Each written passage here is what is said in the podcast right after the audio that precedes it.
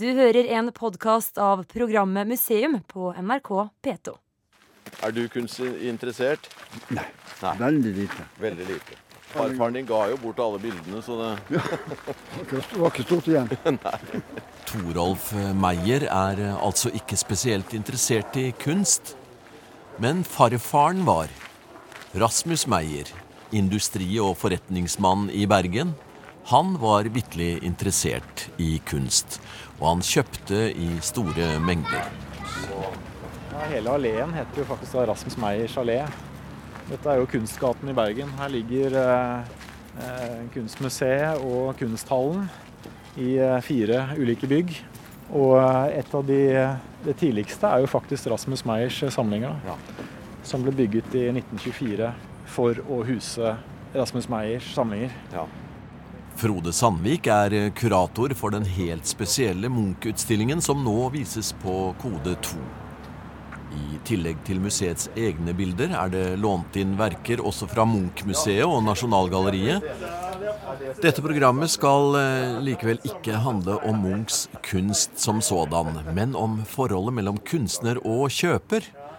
Munchs slektning og venn Ludvig Ravensberg var tett på Munch og skrev dagboksnotater. Kunsthistoriker Hans Martin Frydenberg Flåtten har arbeidet mye med Munch og hentet fram spennende stoff fra disse dagbøkene.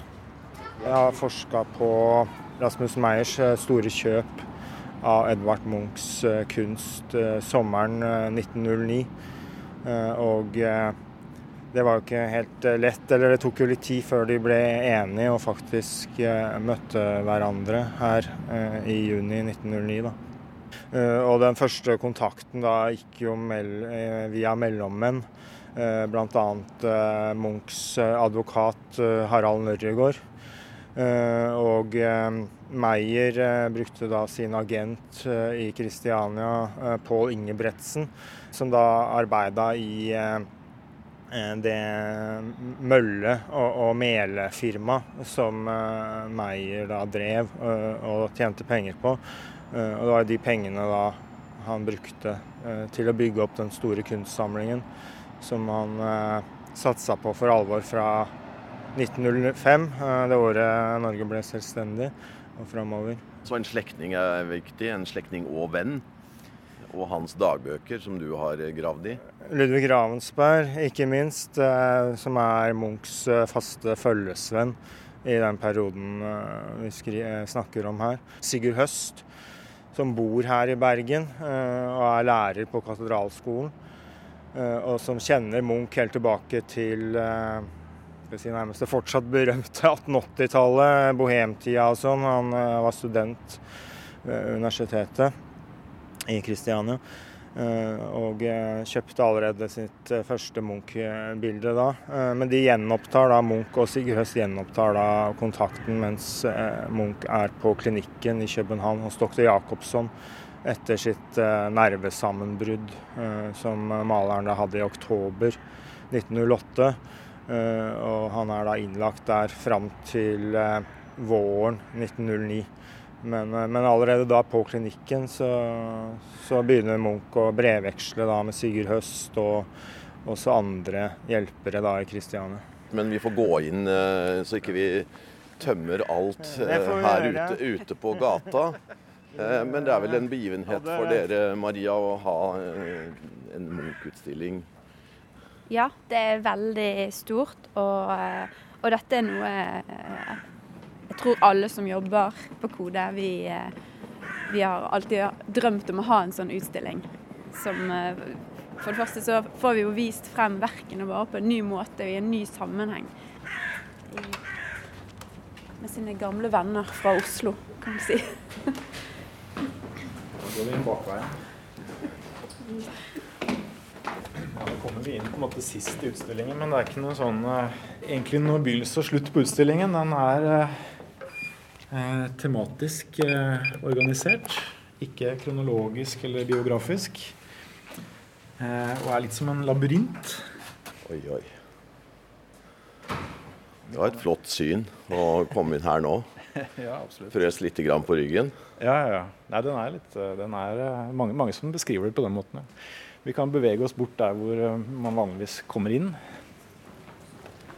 Museum er på Kode kunstmuseer i Bergen.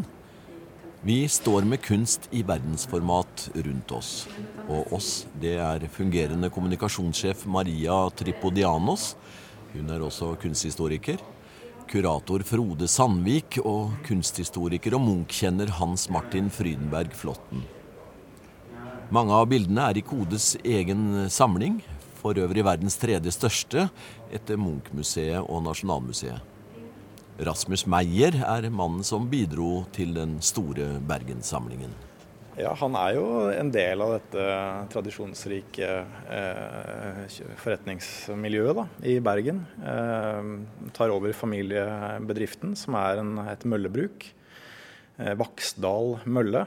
Hvor ligger det? Det ligger eh, litt nord for Bergen. Det har vært eh, i familien, og han tar det over. Og han studerer mølledrift i Tyskland i bl.a. i Stuttgart, og kommer tilbake og er med å modernisere dette bruket, da, som blir eh, et av de viktigste, største møllene da, i, i, Norge, og også en av de større i Skandinavia. Så han eh, kommer fra gode kår og blir også veldig velhavende som, som mølledriver da, selv. Og, og, starter også å samle kunst. Eh, først kunstindustri og kunsthåndverk. Eh, han har kontakt med andre samlerfamilier i Bergen. Det fins jo flere eh, prominente samlere eh, før han. Dekke og Sundt bl.a. Og kjøper også Dekkes kunstsamling. Det er en sånn, sånn grunnstein i hans samling. Hvorfor gjør han det? Hvorfor han gjør det? Eh, nei, altså, Det er sikkert mange ulike forklaringer. Altså, familien, Det er tydelig at han har en kunstinteresse fra tidlig av. Eh, allerede når han er sånn 17 år, så er han på en sånn dannelsesreise i Europa som ikke var så uvanlig for folk fra hans eh, type bakgrunn. da. Nedover mot Roma for å, for å, å se måte, de store kulturskattene. Eh, og skriver hjem til vennene sine om det han ser av kunst. Da. Det er veldig sånn levende og godt beskrevet. Så han er helt opplagt og eh, sånn, eh, åpenbart kunstinteressert. Da. Så det er ikke bare økonomiske motiver som ligger bak her, selv, men også tenke på det, regner jeg med? Altså, han kommer jo fra det her er jo en type, han, han, han er jo en type samler eh, som, det kommer, som, det kommer, flere av etter hvert, som samler for offentligheten. Sant? Han er jo opptatt av, eller blir i hvert fall mer og mer opptatt av, at den samlingen han bygger opp, det skal ikke bare være for hans hjem. Det er noe som på et tidspunkt skal tilfalle eh, offentligheten. Uh, først så tenker han at han skal bygge en sånn type mesenvilla, hvor han uh, kan både bo og ha en samling som er tilgjengelig for publikum. Og legger jo store planer for dette, uh, egentlig helt fram til sin død, uten at det egentlig materialiserer seg. da. Men eh, så han samler, han samler, med tanke på at det skal, ha, skal, skal, nå en større krets enn hans egen familie. Det er helt klart. Og så eh, denne dekkesamlingen. Eh, der er det jo både kunsthåndverk og, og bildekunst. Bl.a. den her store rokokko-romdekorasjonen til, til Blumenthal, som han, som han, da overtar og integrerer sitt hjem da, i Krybbebakken i Bergen. Og eh, det er også noe billedkunst han har fra sin, eh, sin, egen familie. altså Han arver bilder av eh, Gude og Askevold bl.a. Og begynner også å kjøpe den, den type eldre kunst. da, så Han begynner å kjøpe døde kunstnere. Og så etter hvert den, sin egen generasjons kunstnere. Ise Dahl? Ise Dahl er viktig, selvfølgelig. For en bergensk samler så er han opptatt av at Dahl er, vil være sentral og et naturlig måte, utgangspunkt. da. Og kjøper bl.a. Dahl-bilder gjennom eh, enken til sønnen til Dahl eh, i Dresden. Eh, og bygger opp en betydelig Dahl-samling, som nå er i, i vårt museum. Da. Selvfølgelig helt sentralt. Og så etter hvert begynner han også å samle på den yngre generasjonen kunstnere i sin samtid via sine rådgivere. da, Wernskjold og etter hvert Olaf Wold Torne. Og det er, det er, jo den tiden her at han da virkelig får øynene opp for Munch. Og gjør disse første, første innkjøpene eh, via andre samlere først, før han da oppretter kontakt med, med Munch selv.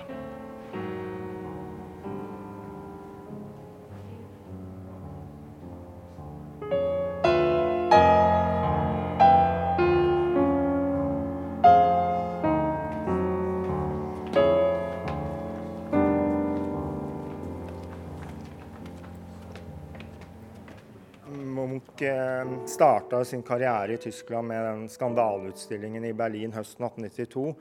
Så, så, det han gjorde da, var å sende den rundt til byer i Tyskland, til forskjellige kunsthandlere der. Og han da krevde å ha billettinntekter eh, av de besøkende, siden det her var en mye omtalt utstilling. Uh, Sånn at de besøkende måtte da betale. Så det var egentlig en viktigere inntektskilde akkurat på det tidspunktet, kan det se ut som, har det blitt hevda av enkelte forskere. Enn selve bildene? Enn selve bildene. Selv om man da hadde enkelte som kjøpte bilder eh, på 1890-tallet også. Og så etter 1900 så, så, begynte det å dukke opp eh, større, mer eh, velstående samlere. Sånn som Max Linde i Lübeck, som uh, eh, dukka opp i 1902, som kjøper uh, Munchs grafikk komplett. Uh, bestiller et flott portrett av sønnene sine. Munch lager en grafikkmappe for han. Og sen, Max Linde er da en øyenlege. bor i et flott hus, er en del av ledende miljøet i Lübeck. Og også da i 1905 Ernst Thiel, velstående bankmann i Stockholm som også begynner å kjøpe Munchs bilder og gir han oppdrag. Et, mm, ber han male et portrett av, eh, av eh, Friedrich Nietzsche, tyske filosofen. Så, de var mesenene liksom, før han begynte med denne bergenshistorien sin? Absolutt. Så, men, men, mens det da sånn i rykk og napp begynner å gå litt bedre med Munch eh, økonomisk, men han sliter fortsatt. Han er stadig vekk pantsatt bilder. Han må selge til noen for å betale ned på lån til andre. og Hele tida veldig vanskelig. Så, så, han lever jo på mange måter fra hånda til munn, og, og mange av de viktige bildene som er de kjente bildene fra 1890-tallet og den såkalte livsrisen, sånn som 'Skrik', Madonna og, og, mange av de som er, er i Nasjonalgalleriet og sånn, var jo ikke da solgt dit, eller at de eh, Så de hadde han fortsatt. Eh, men, eh, men, eh, mens eh, han da skal jeg si, rykk og napp bygger seg opp eh, et nettverk av samlere, så, så, går det dårligere privat. Han hadde det her bruddet med Tulla Larsen som ender med at han skyter seg i fingeren. Og eh, blir stadig vekk eh, dårligere sånn psykisk av det, drikker mye og sånn. Og, og, det ender da med at han legger seg inn på klinikken i København i oktober 1908. Uh, eh, før han da kommer hit til Bergen. Og der maler han det flotte selvportrettet her med eh, lysende fargene. Og eh, han er jo en rekonvalesent, men, eh, men bildet på en måte Selv om han ser litt eh, resignert ut sånn i ansiktsuttrykket. Men fargene er jo ja. nærmest eh, sånn, Nesten psykedeliske. Og eh, kan jo også minne litt om eh, solen i Jævland, ja. ikke sant? Det, ja. er veldig sånn livsbejaende. Eh, så det, det, markerer jo på en måte et vendepunkt.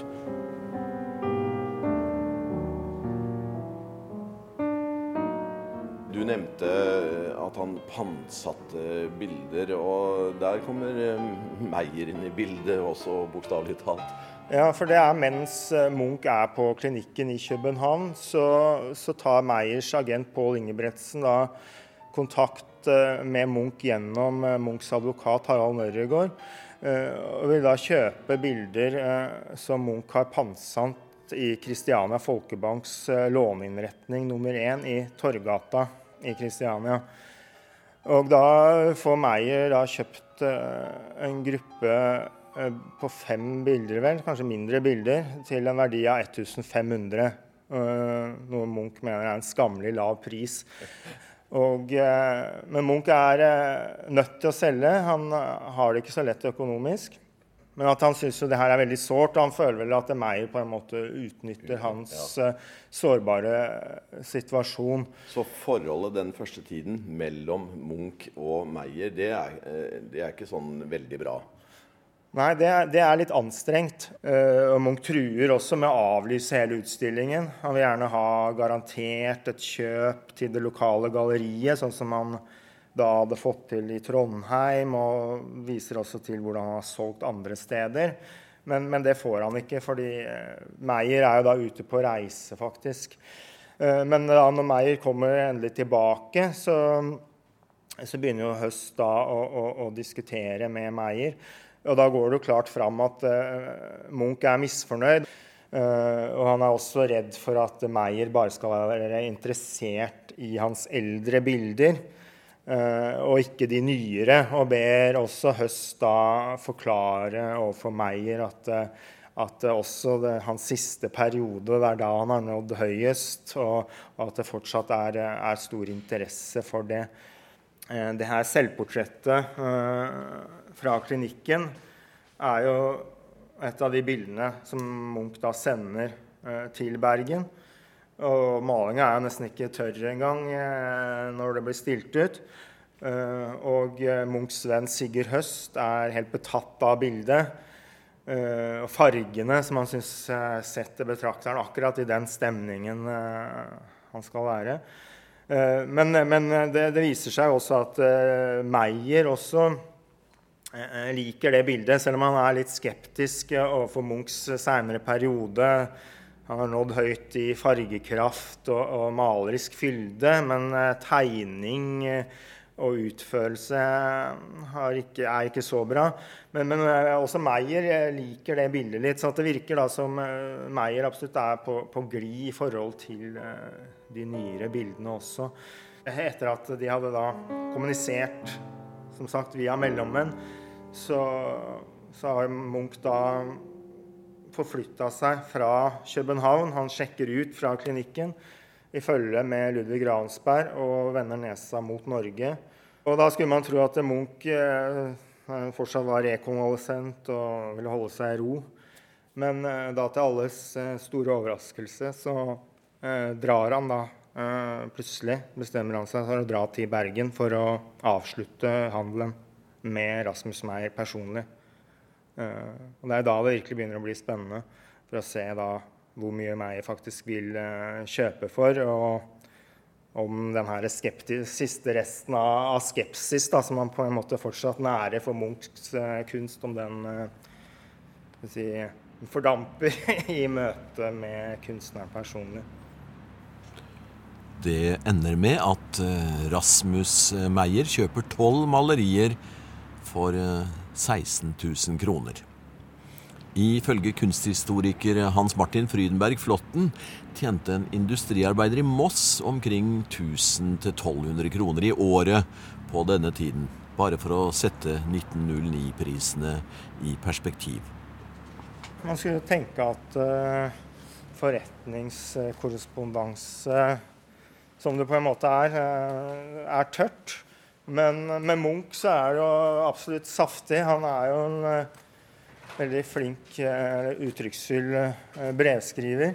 og man merker jo da irritasjonen og temperamentet i, i, brevene. han har jo mange saftige karakteristikker. Han er jo ganske irritert på bergenserne siden de ikke vil gå med på hans eh, krav i forhold til å få dekka utgifter og få ja. garantert kjøp og sånn. Ja. Og han kaller dem jo noen sildehoder og, og andre eh, mindre pene ting. Og eh, Meyer eh, går jo fra å være en sånn sildegrosserer og andre ting til eh, å bli en sånn eh, mektig havørn som den umettelige Meyer. Som, som aldri kan få nok. Så, så, det er mange interessante, morsomme karakteristikker der. sånn. Men det som også er, er, morsomt, eh, og som alltid er en glede å arbeide med, er jo Ludvig Ravensbergs eh, dagbøker. Og han er jo en ivrig eh, dagbokskriver. Det virker jo som han har sittet ned hver kveld etter samværet med Munch og, og skrevet ned sine inntrykk vi sitter på kafé da, dagen etter at eh, kontrakten er undertegna, eh, og diskuterer da Rasmus Meyers kunstsamling med Henrik Lund, malerkollega Munch.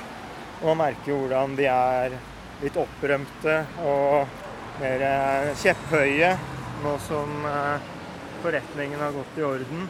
Munch tar jo vennene sine med på kafé. Spandere spanderer middag på de. De reiser på tur. Og de gjør narr av nasjonale scene, som Ravensberg uh, syns uh, kan ligne en panserkrysser med lanternene slukka. Så det er veldig mange morsomme karakteristikker. Hvordan håndterte Munch sin økonomi ellers? Nå hadde han tatt på seg spanderbuksene. og det måtte få lov til akkurat i en sånn situasjon hvor han hadde fått solgt. Ja, nei, han, han kunne jo også bruke penger. og Ravensberg var også kritisk til det. Og eh, overfor sine tyske venner eh, så sier jo Munch eh, da at han lider av Wohnungswahnsinn. Fordi han har da mellom 1909 og 1916 Bolig, boliger tre, tre, steder. Både i Kragerø, hvor han leier fra 1909 og fram til 1916. Og han kjøper et hus i Hvitsten, Nedre Ramme, i 1911. Samtidig som han leier seg inn da i Moss i 1913 Så det gikk jo også masse penger ut. Vi har forlatt den eh, flotte Munch-utstillingen på Kode og er kommet til Åstveit nord for Bergen. Der hadde Rasmus Meyer en stort anlagt hage, høyt oppe på en fjellkolle. Torolf Meyer, barnebarnet, bestyrer denne hagen nå gjennom Rasmus Meyers legat. Og hit ble Munch og Ravensberg invitert etter handelen. Det var Fantastisk. Jeg skjønner jo godt at eh, de ble imponert. Det var vel meninga òg. Det var vel meninga også at det, det, her skulle komme som en overraskelse på gjestene, den utsikten. Ja, det var vel gjerne det. Men jeg, jeg tenker jo at det her, eh, på den rundturen som Rasmus Meyer da tar sine to gjester med på rundt her i hagen, så ender de opp her. Ravensberg da beskriver det, at de ser utover. Ja, han, han får nærmest en sånn åpenbaring her. med Han ser seg rundt, og der eh, skyene ligger liksom lett på himmelen. Og, og det er liksom eh, måker som han eh, samler seg rundt sildestimene. Jeg veit ikke om det er riktig, ja. men han, han, ser i så fall eh, den her scenen og, og, beskriver den i dagboka. Da, sikkert på kvelden da, ja, samme kveld. Og eh, han eh, sier jo da at Munch eh, eh, da gir Rasmus Meyer et kompliment her, og at Munch da sier at Meyer maler, er også maler, sier Munch. Og maler med god pensel og peker utover hagen. da. Og hagen er da Meyers maleri. da.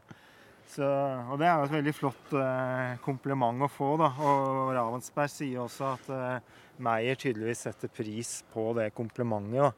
Det hadde jo vært, som vi har vært inne på, litt sånn anstrengt eh, mellom Munch og Meyer under forhandlingene. Munch var litt sur fordi Meyer ville kjøpe billig og sånn, men nå hadde de da undertegna kontrakten dagen før, og Meyer hadde kjøpt for mye mer enn Munch egentlig hadde drømt om. Eh, så nå hadde de blitt eh, gode venner, da, virker det som, og, og eh, funnet ut av det med hverandre. Så, så jeg føler at da ser jo Munch også på en måte den kunstneriske siden da, ved kunstsamleren og, og skal si, gartneren, eller hagemannen ja, Rasmus Meyer. An, anlegge dette stedet. For jeg, jeg har grunnen, liksom, som jeg har lest og, og forstått, jeg har liksom sett, som, sett, Rasmus som uttaleren, som, som, som, som presset Munch. Ja.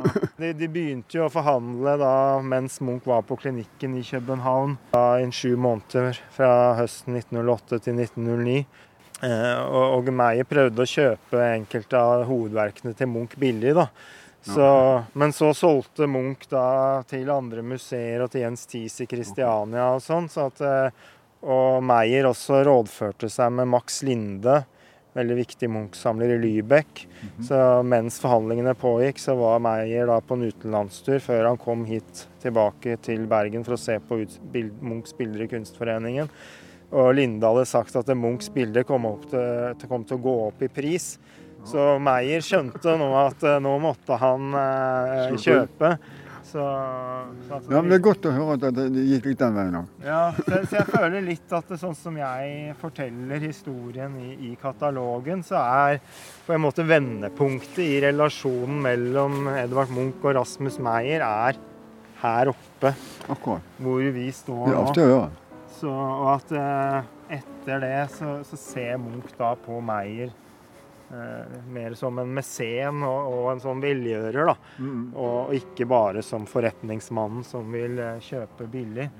Så at han har jo da Meyer har store byggeplaner og sånn, og da er det snakk om at Munch skal lage dekorasjoner der osv. Så, uh, så at da, da, har de liksom et litt annet forhold etter det. Og, og Munch inviterer også Meyer til, til, å komme og besøke han i huset sitt i Kragerø samme høst. Noe som ikke blir noe av. Men, men da er det en mer vennskapelig forbindelse da, som er etablert. Ja, det var ordentlig godt å høre.